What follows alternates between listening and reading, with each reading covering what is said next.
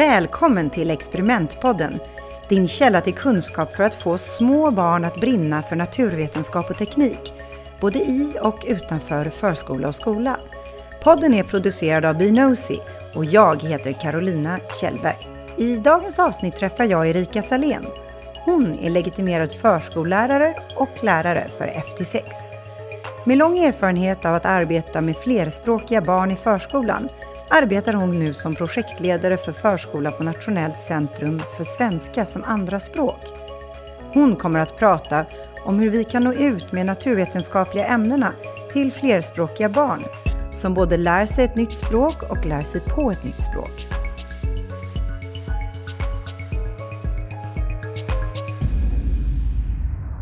Hej Erika och välkommen till Experimentpodden.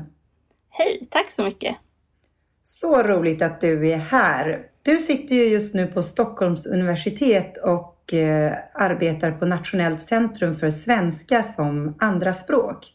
Alla som inte har träffat dig som lyssnar här idag, kan inte du berätta lite vad, vad det är och vad ni gör där? Vi arbetar för att eh, förbättra förutsättningarna för flerspråkiga elevers kunskapsutveckling i förskola och skola. Så vi täcker hela skolväsendet från förskola och ända upp till vuxenutbildning. Och det kan vi göra genom att olika samarbeten och vi kan också svara på remisser. Och vi har också utbildning med verksamma inom förskola och skola inom språk och kunskapsutvecklande arbetssätt. Vad kul! Och det ska vi prata mer om alldeles strax. Men då undrar jag lite bara, vem är du och hur har du hamnat här? Jag är förskollärare och lärare i botten. Jag gick lärarutbildning för yngre åldrar och när jag gick den så fick man kompetens både för förskola och skola. Eh, och jag har arbetat inom förskolan hela tiden. Eh, dels som förskollärare i barngrupp och på introduktionsförskola, men jag har också jobbat som biträdande rektor i förskola. Vad gör du nu då på institutionen här idag? Nu håller jag på att planera för en utbildning som vi ska ha i en kommun i norra Sverige och med all personal inom förskolan om språk och kunskapsutvecklande arbetssätt. Så det ska bli jättespännande. Nu måste jag få höra lite mer. Vad är språk och kunskapsutvecklande arbetssätt? Ja, det är ett väldigt stort område, men om man skulle kunna, vi skulle kunna förenkla det genom att säga att det handlar om att utgå från vad barnen kan och sen utmana dem därifrån. Det är grunden i hela arbetssättet. Och då gäller det också för pedagogerna att ha en kunskap om barnen, vad de kan och vad de behöver utmanas i. Hur arbetar man liksom översiktligt med språk och kunskapsutvecklande arbetssätt? Det handlar dels om barnens språkutveckling, mm. att de ska utmanas i sitt språk, men det handlar också om ämnet som man arbetar med. Om vi till exempel skulle arbeta då med naturvetenskap och teknik, då handlar det om att barnen ska utveckla sin förståelse för det ämnet som man håller på med just då, men samtidigt utveckla sitt språk. Mm. Den här intervjun är ju en del av eh, NTAs eh, konferens och då tyckte jag det vore så himla roligt om du kunde på något sätt berätta hur man skulle kunna arbeta på det här sättet med ett NTA-tema. Då tänker jag så här att man först får man inventera temat skulle jag göra. Att jag skulle fundera på ja, men vad är det som är specifikt just i det här temaområdet. Om vi skulle ta till exempel vatten så handlar ju mycket om vattnets olika egenskaper. Ja, men vad är det viktigt för barnen att få kunskap om? Mm. Och vilka begrepp är centrala? Jag tänker att det finns, beroende på vilket eh, ämnesområde man då väljer inom temat, om man pratar om eh, de olika formerna, fast, flytande och gasform, då är det ju viktigt att de här begreppen upprepas många gånger. Mm. Att, att barnen också förstår att det är de här begreppen som är centrala. För det är mm. också mm. någonting som de kommer återkomma till många gånger. Genom hela skolväsendet kommer man prata om fast, flytande och gasform. Mm. Eh, och det är också viktigt att man blir hemma i arbetssättet. Och där tycker jag att NTA är ett bra stöd, just att man pratar om att man först funderar om, på vad som, ska, vad som ska hända i ett experiment till exempel och att man samtalar. Man funderar på, blev det som vi trodde? Man går tillbaka. Och just det här arbetssättet, om man använder det så att barnen mm. först får tid att tänka tillsammans, fundera. Är det någonting som är svårt i det här? Att fundera på det här sättet. Att mm. Vad kommer att hända? Ja, men då kanske jag som pedagog först måste gå in och säga och göra en, en fundering högt. Mm. För att verka som en modell. Och att sen låta barnen göra, det är också ett, ett en central del i eh, språk och kunskapsutvecklande arbetssätt. Att man fungerar som en modell. Mm. Och att man ibland gör före. Och då kan jag tänka mig att det är väldigt viktigt att visa också, att inte bara prata om nu barnen har svårt med eh, språk. Nej, precis. precis. Jag tänker att man, om man skulle göra en sån sak så sitter man liksom i experimentet och visar på mm. Hela arbetsgången tillsammans med barnen. Men att man som pedagog kanske tar en större plats, att man som sagt tänker högt. Mm. Eh, och vad skulle kunna hända här? Hmm, jag undrar om... Mm. Så. Just för att visa på hur arbetssättet går till. Mm. Men sen, eh, och sen också upprepa, upprepa, upprepa. Jag... Ja, för att de här äh, begreppen då, till exempel fast flytande och gasfas, det kan man ju kanske visa de olika faserna och säga orden om och om igen fastän de kanske inte förstår förklaringen av vad de innebär. Nej, och, och det är också en del i arbetssättet att man, man pratar om att vi ska inte förenkla utan det är de här begreppen man behöver få mm. och då använder de ofta. Och sen inom förskolan så är vi när vi arbetar med riktigt små barn, då är vi ganska mm. bra på att upprepa. Men vi, upprep, vi upprepar vad barnen säger. Mm. Till exempel, eller rättar. Till exempel om ett barn säger Jag gådde till parken. Ja, gick du till parken? Mm. Men när vi börjar arbeta med äldre barn, då kan det också vara en vits med att låta barnen upprepa det vi säger. Mm. Vad var det nu vi pratade om? Fast form. Ah, vi säger det tillsammans. Fast form. Just mm. för att få, få smaka på begreppen. Så att vi inte bara tar för givet att ett begrepp som vi, eller ett ord som vi har sagt en gång är någonting som har fastnat. Mm. Och någonting som barnen har förstått att det här var viktigt. Men genom att poängtera det så betonar vi också vad som är viktigt. Mm.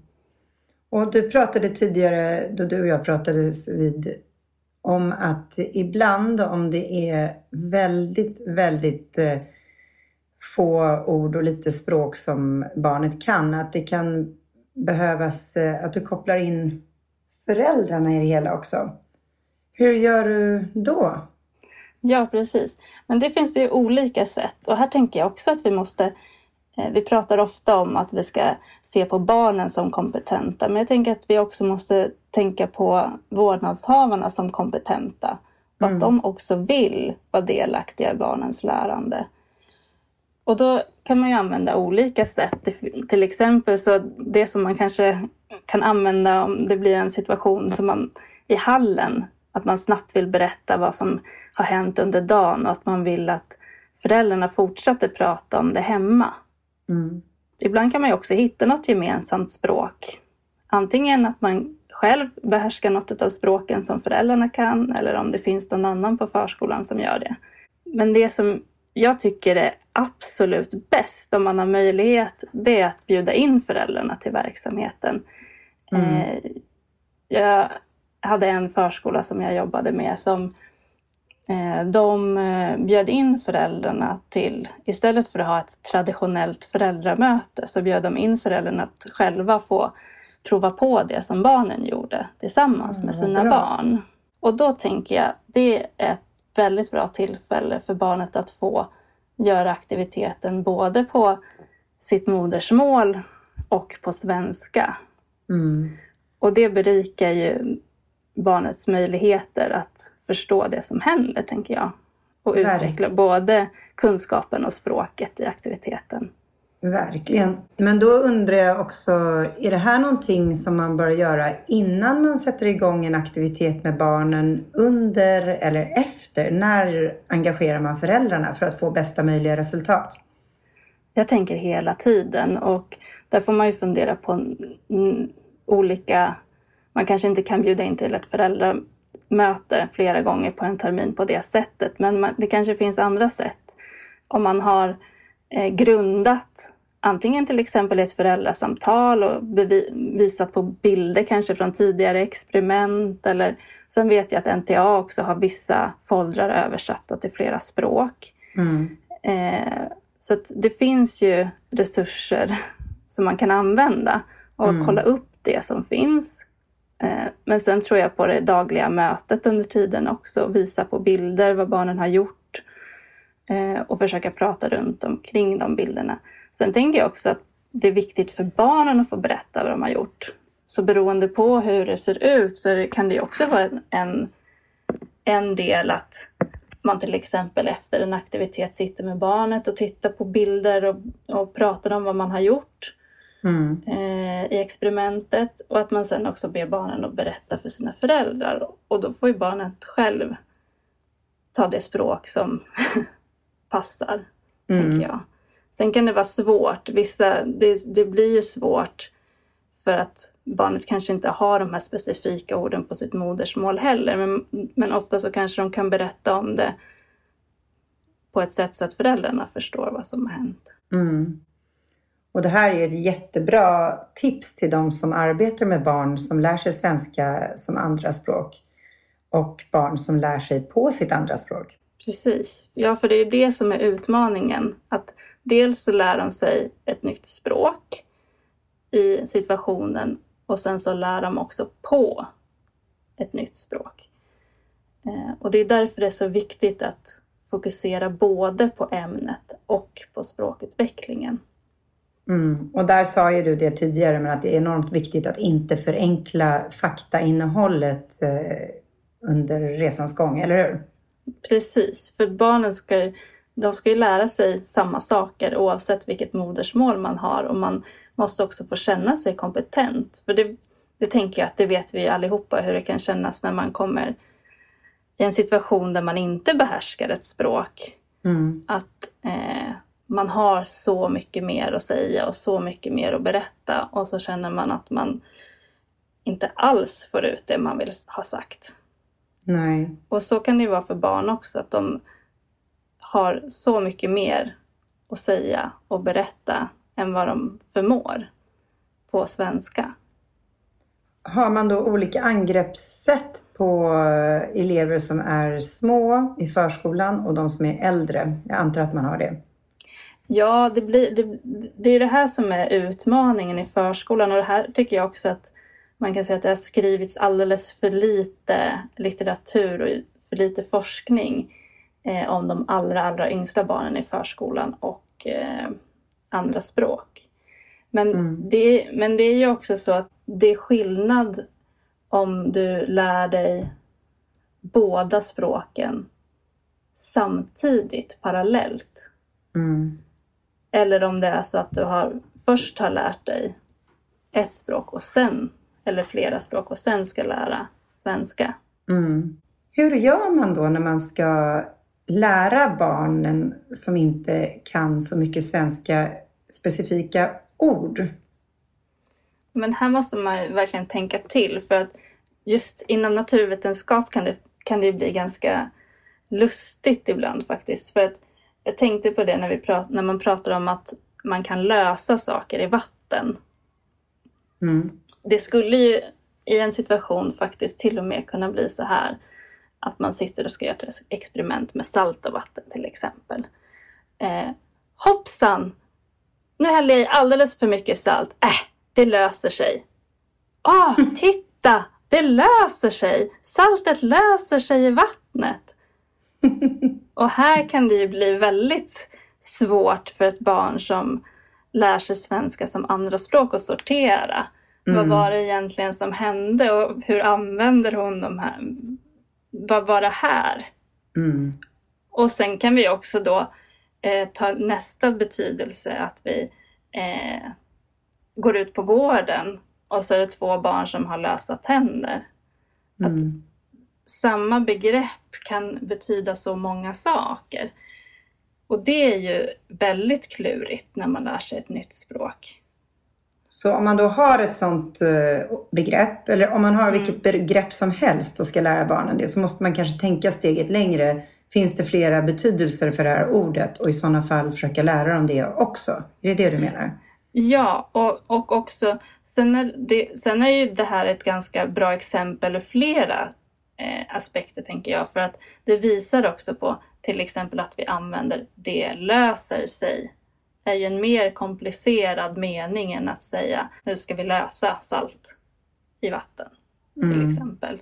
Att, så att många gånger när vi, använder, när vi är i naturvetenskapen så använder vi också ett mer komplicerat språk. Mm. Och det kan man också vara eh, tvungen att uppmärksamma barnen på. För det är också det som är en av förskolans, eh, ett av förskolans mål, att barnen ska kommunicera på olika sätt i olika sammanhang med mm. skilda syften. Mm. Och det blir så tydligt när man arbetar med språk och något annat ämne. Att alla olika ämnen har sina olika sätt att eh, sina olika, sitt olika, olika språkbruk. Mm. Eh, och det är också tydligt, tänker jag, om man läser läroplansmål där det står att, man ska, att barnen ska kunna ställa frågor om naturvetenskap. Där mm. blir det mm. också tydligt att det, det hör ihop.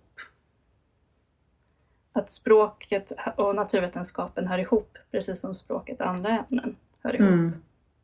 Mm. Men eh, jag är jätteglad att du har varit med i intervjun idag. Tack för att du tog dig tid.